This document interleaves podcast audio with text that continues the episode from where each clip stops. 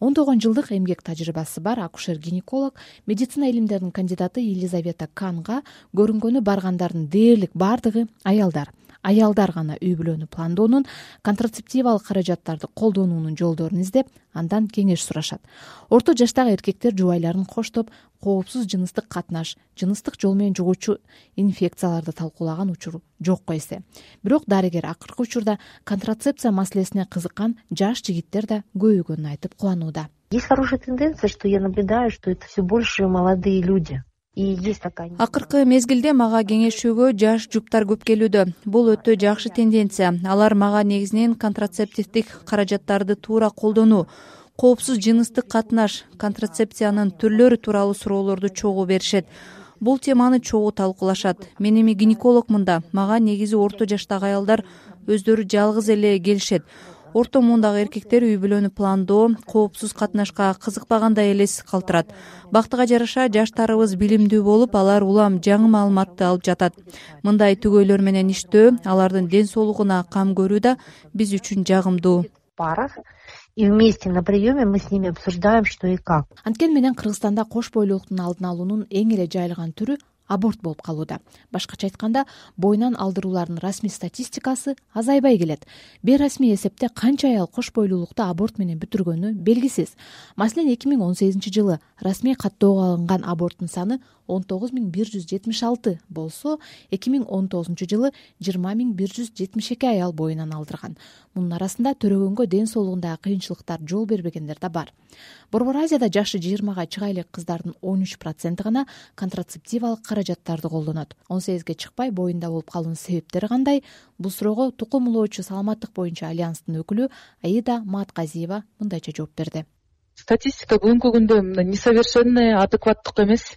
Анткени деген биз деген масс медиа кандай мындай ысык горячий новостилер жазса ошолорду деле санап коюп атабыз да допустим жылына азыр например жылына эсебинде карасак азыр мурда эки үч жыл мурда эки максимум үч эле случай болсо азыркы күндө даже кварталына уже беш алтыдан ар бир региондон как минимум үч төрт кыз ушундай эмелерге кезигип атат да случайларгачы бул деген несовершенная статистика анткени деген биз мындай билген эле статистика а билбегендер көп да которые мындай айтпай коет мына например изнасилованный кыздар уялып тиги туугандары менен билбесин башкалар укпасын деп эле унчукпай эле акырын барып бойдон алдырып койгон да учурлар бар да. Улуттук статистика комитетинин маалыматы боюнча эки миң жыйырманчы жылы жашы жыйырмага чыга элек тогуз жүз отуз төрт кыз боюнан алдырган. Жыныстык катнашта тазалыкты жана коопсуздукту сактабоо бойго бүткөндөн тышкары жугуштуу инфекциялык ооруларга да анын ичинде вич инфекциясына да жол ачат аида матказиева акыркы үч жылда вич инфекциясын жугуу жолу кескин өзгөрүп кыргызстанда бул айкыс оорунун жетимиш проценти жыныстык катнаш аркылуу жугуп жатканын белгилеп өспүрүмдөр арасында жыныстык катнашка байланыштуу маалыматтын жоктугунан да бир топ көйгөйлөр жаралып жатканын айтууда.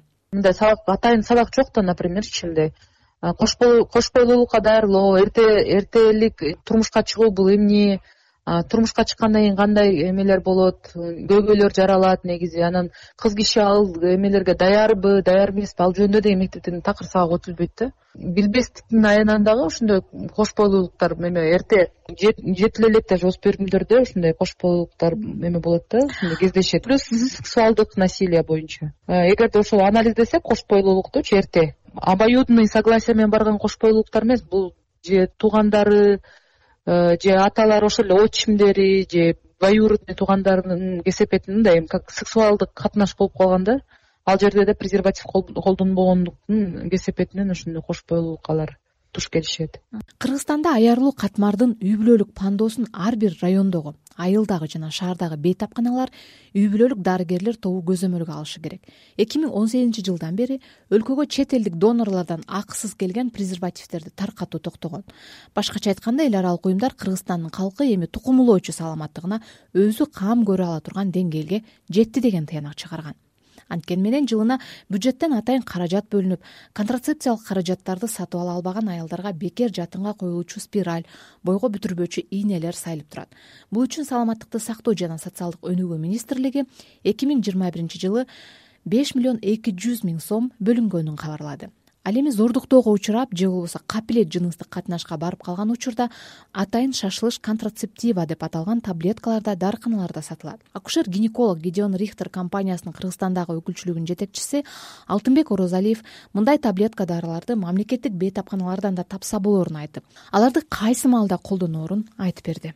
Муну жанагындай шашылыш түрдө контрацепция деп аталат. Бул жанагындай презерватив унутулуп калып туура эмес э, колдонулуп же презерватив жыртылып кетип же жанагындай зордуктоого туш келген кыз келиндер болсо ушу боюнда болбош үчүн керектелүүчү каражат да бул муну колдонуучу кезде мурун биринчи э, дарыгер менен кеңеш э, сураш керек кеңеш алыш керек да адистердин айтымында айрыкча айыл жерлеринде контрацепциялык каражаттар тууралуу кеңири маалымат алуу анын түрлөрүнө карай аялдын жеке саламаттыгына жараша тандап берүү деген саламаттык үчүн өтө маанилүү маселелер талкууланбай ишке ашпаган бойдон турат. Ушундан улам жылына эки жолу төрөгөндөр же төрөт учурунда кан кетип калуу төрөттөн кийин аялдын ден соолугу катуу жабыркоо эне өлүмдөрү катталууда. Айрыкча эне өлүмү эки миң жыйырманчы жылы өтө жогорку көрсөткүчкө жетип ар бир жүз миң кош бойлуу аялдын отуз алты процентин түзгөн. Контрацепция үй бүлөнү пландоо жаатында иш алып барган активисттер кыргыз тилиндеги маалыматтын аздыгы да абалды жөнгө салууда чоң тоскоолдук экенин белгилешет. Жаштар арасында үй бүлөнү пландоо жаатында иш алып барган активист улукбек батыргалиев маалымат жетиштүү болмойн ал өзгөрбөйт деген ойдо. Негизинен эле мындай жашоо турмушта жалпак тилде бул контрацептивдик каражаттарды сүйлөбөгөндүктөн карабагандыктан колдонбогондуктан бул дагы мындай бир көйгөй жаратат да. Анткени ошого дагы көнүш керек да бул жөнүндө айтканга мына өзүңүздөр деле мындай контрацептив дегенди мындай көбү айта албайт э жөн эле өзүнүн сөзү менен анан презерватив дегенди дагы мисалы айта албайт. Ошолор мындай көбүрөөк мындай кыргыз тилге которулса дагы жеңилирээк жалпак тилде болуп анан ошону мындай көбүрөөк адам колдонсо мисалы ошол эле врач болобу ошол эле биздин тренерлер болобу ошону элдин арасында жайылсак болот да. Экинчиден бул башкалардай сыяктуу эле элдин кызыгуусу жок да. Жок анткени билими жок.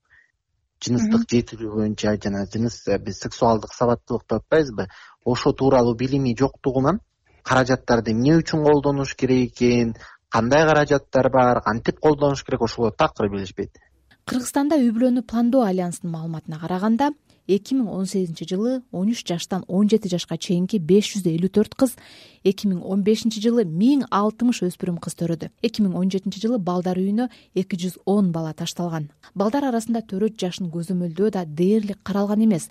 Эне өлүмүнүн көпчүлүгү социалдык аяр катмарда ички жана тышкы мигранттар арасында жакыр үй бүлөдөгү жумушу жок аялдар арасында көп катталарын адистер айтышат төрөт маалында каза болгон аялдардын токсон проценттен ашууну туруктуу иштеген жери жок же болбосо миграцияда жүргөндөр экени эсептелген.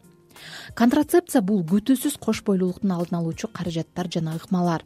Жеке эле бойго бүтүп калуудан коргобой жыныстык саламаттыкты да сактап келечекте дени сак баланы төрөөгө жардам берет.